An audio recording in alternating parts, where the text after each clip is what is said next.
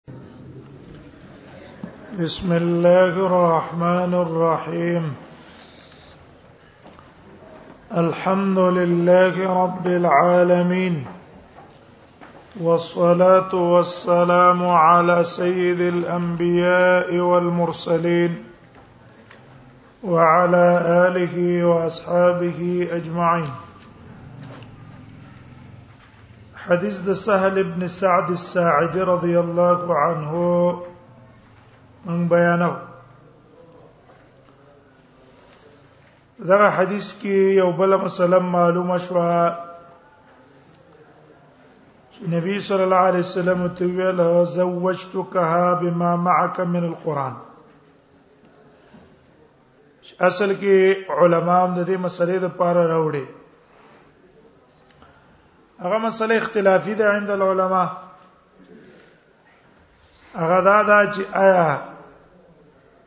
د مان نه بغیر بل شی چې هغه تعلیم د قران دی د مہر واقع کیږي کنه یا اسلام یا عتق دا شینه مہر ګرځي او کنه ګرځي نو دلته مسله ده تعلیم القرآن تعلیم القرآن مہر ګرځي کنه ګرځي ظاهر د حدیث نه معلوم شو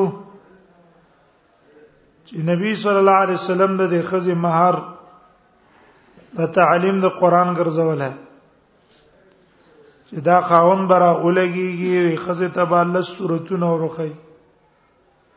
چې دا لس صورتونه او تورخو د هغه زده کړه بس دا دغه مہر شو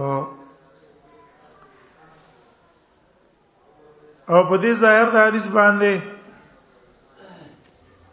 امام شافعی رحمه الله قول کړه دارنګ دا یو روایت ته د امام احمد نه او دا مذهب د محدثین علما هم نه هغه وی تعلیم د قران د مہر د خزې د پاره ګرځي زګه دلته بما معک ده بما دا به د پاره د عوض ده معنی دا دا زوجتک ما تعالی په نکاح باندې درکړه بما معک په عوض د هغه چې تا سره ده د قران نه تا د قران زده ده دا سورتونه به دې تورخه دویم وجه دا غي دلیل دا غي دا ده وې تعلیم د قران دا یو منفعت معینه مباحه تعلیم د قران یو منفعت معینه مباحه منفعت ته د تعلیم د قران باندې ته عوض ما غسته شي راجع قول علماء باندې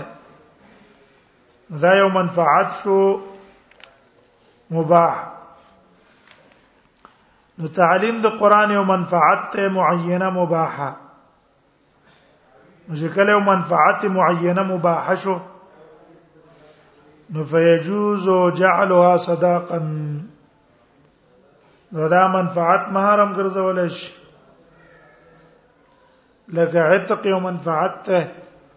نبی صلی الله علیه وسلم د سفیر په هر هغه مهارو ګرځاو دارنګ اسلام یو منفعت ته ام سلیم هغه مهارو ګرځاو د پاره د خپل نکاح دویم قول ده د احناف او د امام مالک د لیث ابن سعد اسحاق ابن رهوه او مکحول او یو روایت ته د امام احمد نه د دې مذهب دا دی لا يجوز جعل القرآن صداقا وی تعلیم د قران مہر نشي کولای چې ته تعلیم د قران مہر وګرځې او لا يكون الصداق الا مالا مہر به صرف مالیتی بل منفعت چې مال نه هغه مہر نشي ګرځولای هغه استدلال نیولای دی په آیات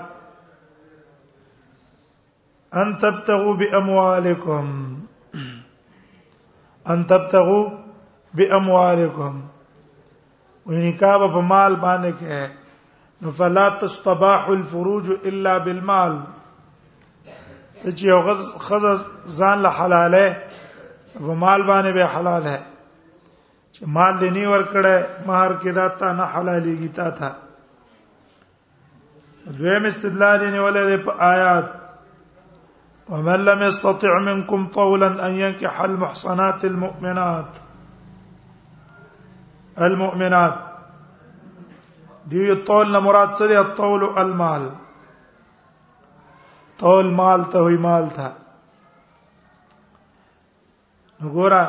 که تعلیم د قران مہر وې الله په کې غم ذکر کړه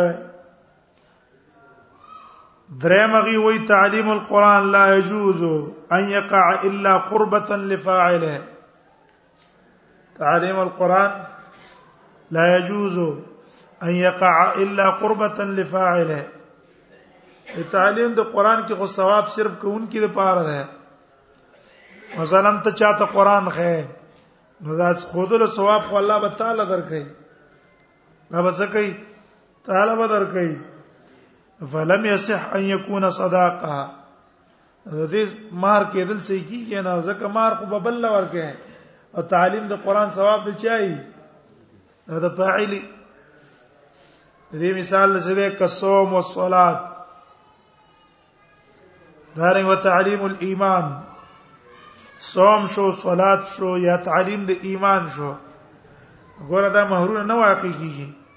ځکه دې کې قربت ته د پاره د فاعل د قصې تعلیم د قران کې قربت ته د پاره د فاعل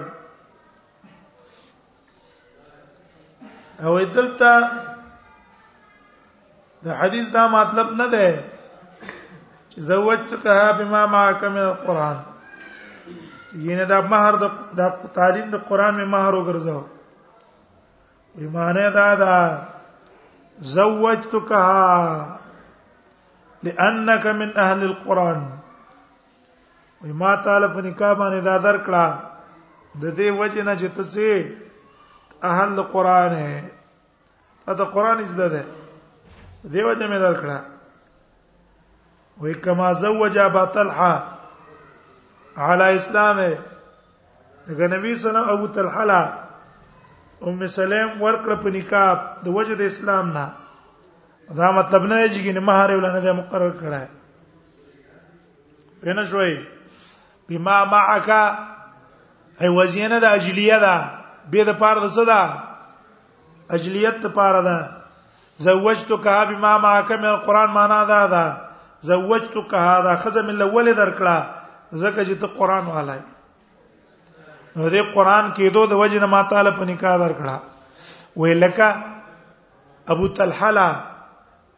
ام سلیم چې په نکاح ورکړه نو دا مطلب نه دی چې کینی د اسلام علما ورکو معنی دا ده چې ما تعالی درکړه د وجه د اسلام ستانه چې ته په اسلام کې داخل شوی ہے لیکن دا خبره چې کومه ده ظاهر د نصوصونو خلاف ده ظاهر د نص تایید کوي د امام شافعي رحمه الله دیو نه خطابی صاحب په معالم السنن کې وایي وفيه دليل على جواز الاجره على تعليم القران وې دین دا معلوم شو چې اجرت په تعلیم د قران هم جایز ده همدارنګي تعلیم د قران محرم ګرځول جایز دي او الباء فی قوله بما معك او به چې کوم راغله د بما معك دا د پاره د تعویز ده د پاره د څه ده د تعویز معنی څه شو ما تعالی په نکاح باندې درکړه بما معك من القران په عوض د هغه چې تا ته یاد ته د قران نه ولو كان معناه ما تأوله بعض اهل العلم او کله دې معنا هغه شی لکه بعض اهل علم دا غي تعویل کړه ده لو كان معناه ما تأوله بعض اهل العلم ته دا معنا چې لکه بعض علما چې دا تعویل کړي انما زوجه لانها زوجه اياها لحفظه القران چې دا ولا په دې وجه نکاح باندې ورکړه چې دته قران یاد ده وی بیا خو با تبذیلا له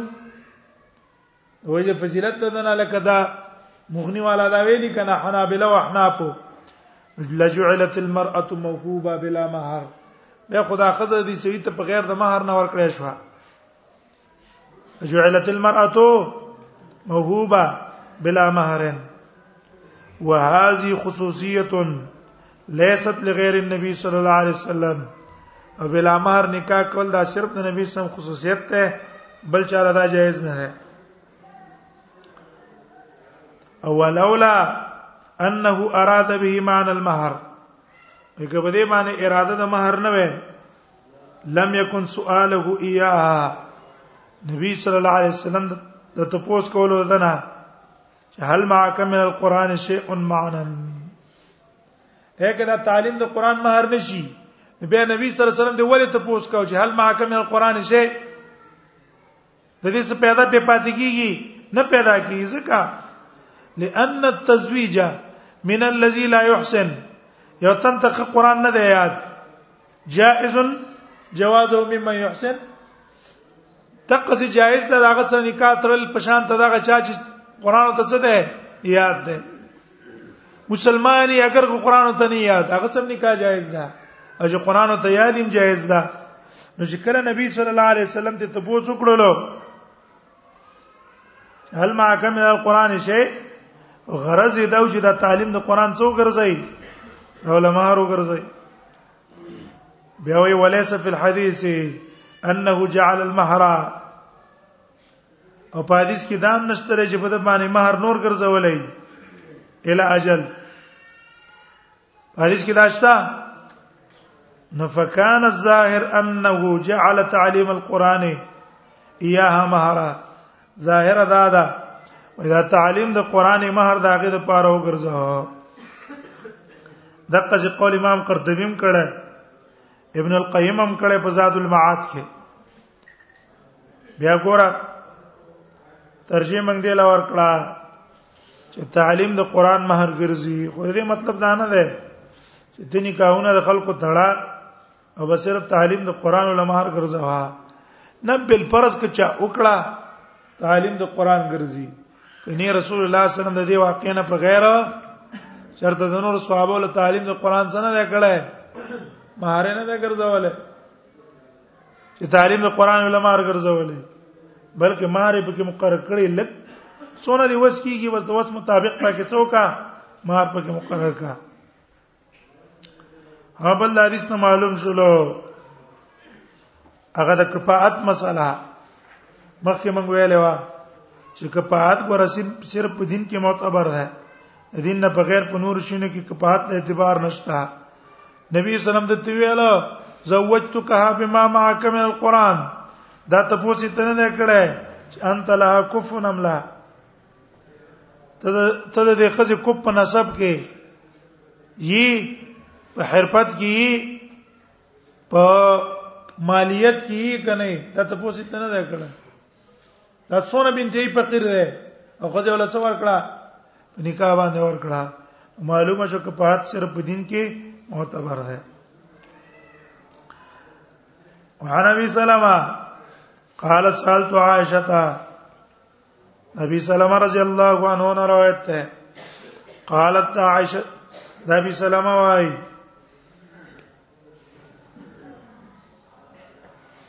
قال سالت عائشہ قال خونه ده پکار کنه زکه ابو سلمہ مذکر ده کنه نو قال سالت عائشہ تا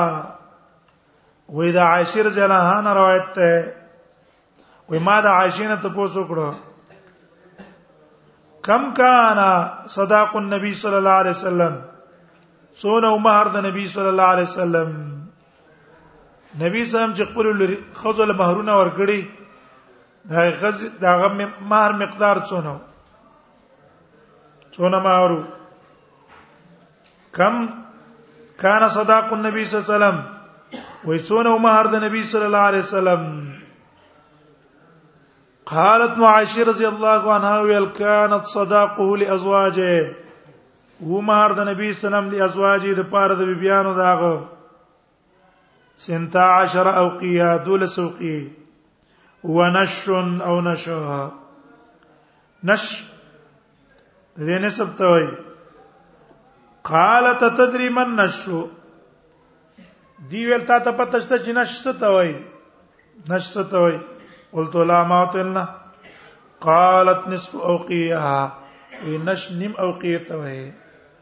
دا د نبی صلی الله علیه وسلم فتلک 500 درهم دا 1500 درهم جوړیږي رواه مسلم نشن بالرفع په شر سنت کې په ټول اصول کې ہے عام نسخو کې څه ده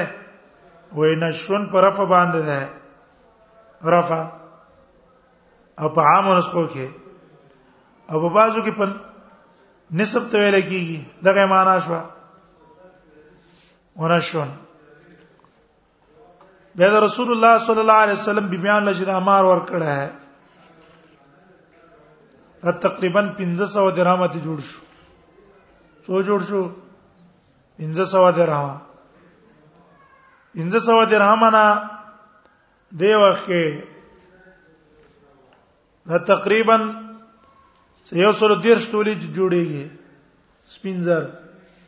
یو سلو دیر شتولې د سپینزر جوړیږي دغه 200 درهم نه 250 تولې جوړیږي شو دې جوړیږي 250 نو دا تقریبا په دې وخت کې چې اوس پیسو ته واچې نو په دې وخت کې پیسو ته چې واچې 1 لک 30 هزار روپۍ ته تقریبا جوړېږي 1 لک 30 هزار خو شازه کپ تولا دی وخت په زر دا څه د پاسه په زر باندې دا نو په 1 لک 30 هزار روپۍ ته جوړې شو په دې 1 لک 30 هزار کې ارڅو مار بمو واده چې کوم سامانو د ارڅو پکې وشو نو کم کان صداق النبي صلی الله علیه وسلم وې دونو روا مسلم بیا ته نبی صلی الله علیه وسلم اکثر بی بیان دا مہارو نیر سو براشو می حبیبیلا څلور څلور زره ورکړې څلور زره درهمه هغه نبی صلی الله علیه وسلم نه دی ورکړی دا نبی صلی الله علیه وسلم طرف نه چا ورکړی نجاشی ورکړی الفصل الثاني عن عمر بن الخطاب عمر بن الخطاب نه روایت ته قال عمر بن الخطاب په بیان کې ویل الا لا تغالو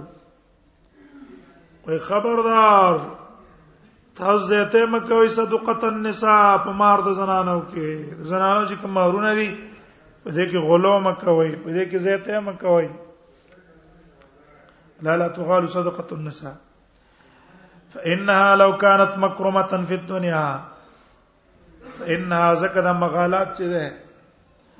لو كانت مکرمه فی الدنيا دا سبب د عزت په دنیا کې دا سبب د عزت په دنیا کې وتقوا عند الله سبب تقوا د الله په نسبان ده مانا کبه دی باندې خزا عزت مند کېدل سمانا یعنی د کمی خزي مہر ډیری دا خزه ډیر عزت مند دی او چې د کمی خزي مہر ډیری دا به د الله په نسبت باندې ډیره قیمتي چرت دا سبب د عزت مند کېدل په دنیا او په آخرت کې وې لکان اولاکم بها نبی الله ډیر لایق په دې باندې نبی صلی الله علیه وسلم وای کار دا ده چې نبی صلی الله علیه وسلم بیبيانو ډېر مہرونه ورکړي همدارنګه نبی صلی الله علیه وسلم خپل لريان د پاره ډېر مہرونه مقرر کړي په خلکو ځکه دین خپل عزتمن خلک نه وو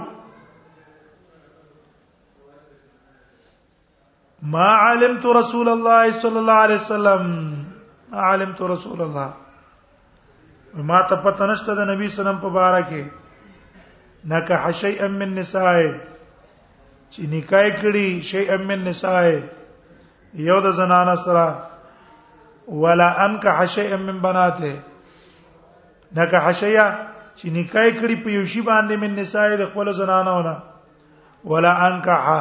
یې په نکاح باندې ورکړي شی ان په یو شی من بنات د خپل لريانو نه على اكثر من 12 اوقيا زیات د دوله سوقيونه دوله سوقيونه زیاته نبی صلی الله علیه وسلم نه په خپل خپل خزل ور کړی او نه د خپل لريانو مار ته دینه زیات جا مقرر کړه ګوره کدا عزتمن شوی نبی صلی الله علیه وسلم باندې ډیری خیر وکړه مار کې موت کول پکار دي غلو زیاته پکره ده پکار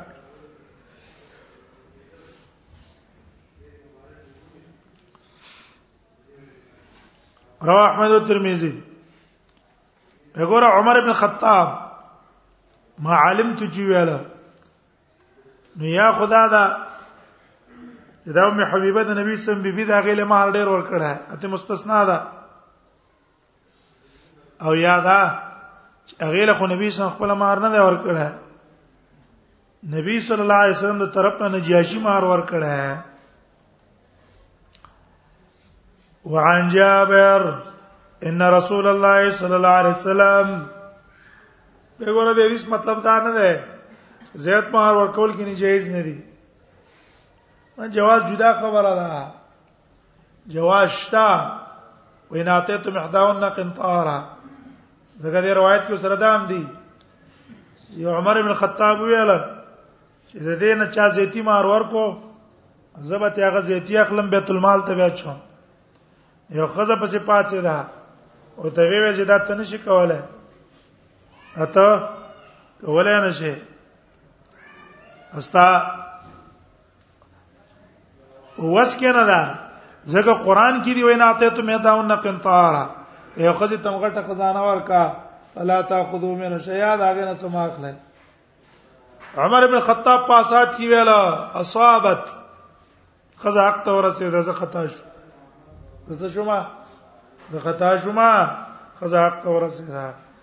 عمر بن خطاب چې کان وقافا عند کتاب الله الله د کتاب سره بالکل درې دو چون چرا به نه کول لته لعل نه کول سم دوار درې دو با وعن جابر ها دا حدیث به محمول له په دې صورت چې مانه غلو مکوې په مار کې څونه سادهګي په نکاح تړل کې مربني کاونه اسانه او چې څونه په نکاحونه کې سختې نه لانجه وای کنه سم په افغانستان کې بعضي ولایتونه دي ال تخذب لس لک او دو لس لک ولوري زدا څنګه د ژوندۍ کې څه کمال دی بس عادت ته کمال به کې نه یو نه یو انسان دی او هغه یو شی دی خو بس عادت ته اواز ولایتونه کې د قصې نه هغه د خزي په سر باندې پیسې نه اخلي بس سړی ته وی ضرورت څونه مار په مقرره ستا خپل واسطه وکا اسانه زندگی هغه هغه ولایت دا ولایتونه کې وسړی چې خزو کی نک ډولی او غیر ډولی وا بس پراله او بیا بزیزی مزدورانه وکيو پیسې به پیدا کيو قرضونه وکيو ټو سخت ژوندۍ ولا جوړه کی کنه او جنا سانتیای چې څونه معاملات کې سانتیوم رب کې پیدا وعن جابر وعن جابر ان رسول الله صلی الله علیه وسلم قال جابر نے روایت ہے وہ رسول اللہ صلی اللہ علیہ وسلم فرمائے من عطا فی صداق امرات ہے چا چې ورکو په مار د خپل خزه کې مل اکفه سویقا وډکواله د لاسونو باندې سویقا سطوان وتمرن او کجوري فقد استحل فتاقص دي سړي د خزه ځان ته حلال کړه ورستحل په تاقص د حلال کړه د خزه ځان ته فقد استحل حلال کړه د خزه ځان ته دا دلیل د پاره د هغه علماو چې هغه مہر کې قلیل او کثیره نه وایي حنابلہ او شوافیع وګوره ملا کفی سویقه ظلم پرون بیان کړه لیکن دا حدیث سندن کمزور ہے ده دې په سند کې ده صالح ابن رمان صالح ابن رمان ابو حاتم داغه بارک وای مجهول د نقصان په کې دا ده چې دا روایت کړی دی ابو زبیر د جابر نه پانعانی ابو زبیر دا روایت نقل کړی دی جابر نه پانعانی او ابو زبیر مشهور مدلس دی او مدلس چې کله انانو کې دا غانانه مقبوله نه غیر است الله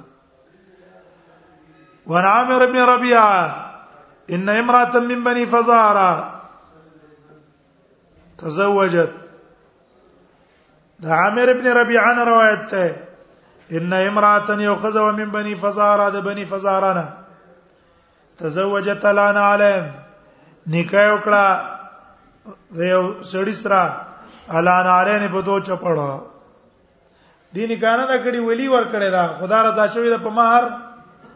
تو چپړو قال رسول الله صلی الله علیه وسلم دی ویلا رضیت من نفسک و مالک بن علی اته خوشاله شوی د خپل ځان نه او د خپل مال نه من نفس کې و مالک مالک څه کوي یاره چې خزه واده شي د واده نه بعد دا که پیسې لګین پر رضا د خاون باندې به لګي پیسې به دي خو ته پوز به چا نه کوي خاون نه به ته پوز کوي په غیر د مرزي د خاون د خپل پیسې نشي لګولای ځکه ول ارزیت من نفسک اته خوشاله شوی راضی شوی د خپل ځان نه و مالک او د خپل مال نه بنا علین په دوه چپړو غرض د حدیث څه شلو معنا دا شو چې دا نکاح جایز ده صحیح ده کنه ځکه ته نبی صلی الله علیه وسلم رضیت من نفسک ونا ومالک بن علی ته خوشاله د خپل ځان نه او د خپل مال نه په دوه نه علینو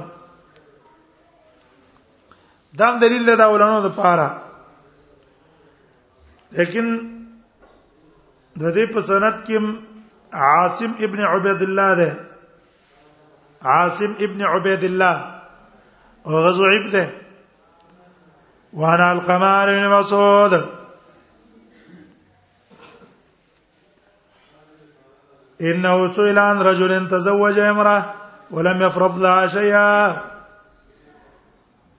علقمه نه روایت ته غد عبد الله بن مسعود نه روایت کوي انه سئل د دې عبد الله بن مسعود نه تاسو کړی شو عن رجل په بار دی یو سړی کې تو تزوج امراتن چې په نکاح باندې یو خزه واغستا یو خزه په نکاح واغستا نکاح وسو کړه ولم يفرض لها شيئا او دې سړي دې خزه پاره مارم نه ده مقرر کړه ولم يدخل بها واد کړم نه ده دخول مسند کړه ما نه واد کړم نه ده حتا ما ته تر دې چې دا سړی ته مړ شو نو اوس با څه چل کوي آیا دا خزه به عدت تیرې څلور مې شله سره زی دا رنګ مہر با څه صورتي مہر به د خاوند نه پورا اخلي کنه به اخلي او بل د میراث مسله چې دا به د خاوند نه میراث وړي کنه به وړي مزدقه مسله ته پوسې وکړو نو عبد الله ابن مسعود ویل هغه روایت کې راځي وای ما ته خو مسله نه معلومه زبا ته پوسو کوا یو میاش عبد الله ابن مسعود په دې مسله کې ته پوسونه ته پوسونه ته پوسونه او چاو ته حدیث بیان نکو تر دې چې په خپل اجتهاد وکړو او په اجتهاد کې فیصله دا وکړه دا کم چې ده خدای مو سویاله کچرته دا فیصله حق دا بد الله د طرف نه او که خدای دا وزما نقصان د شیطان اثر وي په دې کې به ویل چې هر پاره مهار ده مار بم پورا ور کوي میراث په مړي عدت بم تیري وجه دا ده چې دې خزي خو دې خاون ته ځان تسلیم کو په عقد اوس را واده کول خو دې سړی کارو په کاردار چې څه کړه را واده کړه هغه خو انکار نه کړه اوس دې خاون نه را واده کول دا نقصان د خاون دو دیو نه عدت بم تیري مہر بم ور کوي میراث په مول ور کوي نو فقال ابن مسعود عبد الله بن مسعود ویل لها مثل صدق صدق صدق نسایا لها مثل صدق نسایا د دې لپاره به په شان ته د مہر صدق نسایا د مہر د زنانو د دې د دې زنانه معنا څه ده د دې خور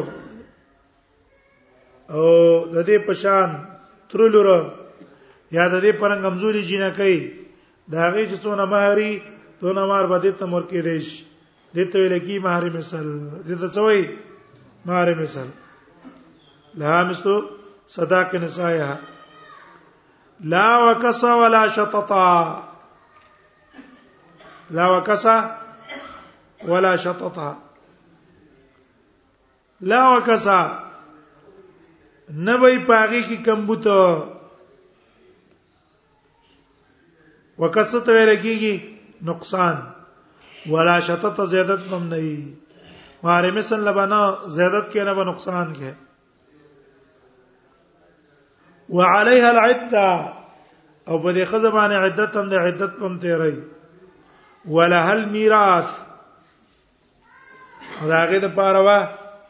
میراث می ولهل میراث میراث په متملاوی فقام معقل ابن سنان الجعي نو پاتې دو پدې کې معقل ابن سنان الجعي ده پاتې دو فقال نو ویل قضا رسول الله صلی الله علیه وسلم وی نبی صلی الله علیه وسلم فیصله کړې و په بروع بنت واشق امراه منا دا یو خزه و زمنګانا بمثل ما قضیتها تقص فیصله کله کتا چې څنګه وکړه زمنګ هم د قضې و خزه وا خاوند یې مړ شوی مخکې د واده کولونه افرح بها ابن مسعود عبد الله بن مسعود په دې څه چلو دې په سره ډېر خوشاله شو افرح بها ابن مسعود ابن مسعود په دې باندې ډېر خوشاله شو خدای جسمه دا فیصله د نبی صلی الله علیه وسلم د فیصله سره اعلی موافق رااله هیڅ کې مسله شته سبا بیان ان شاء الله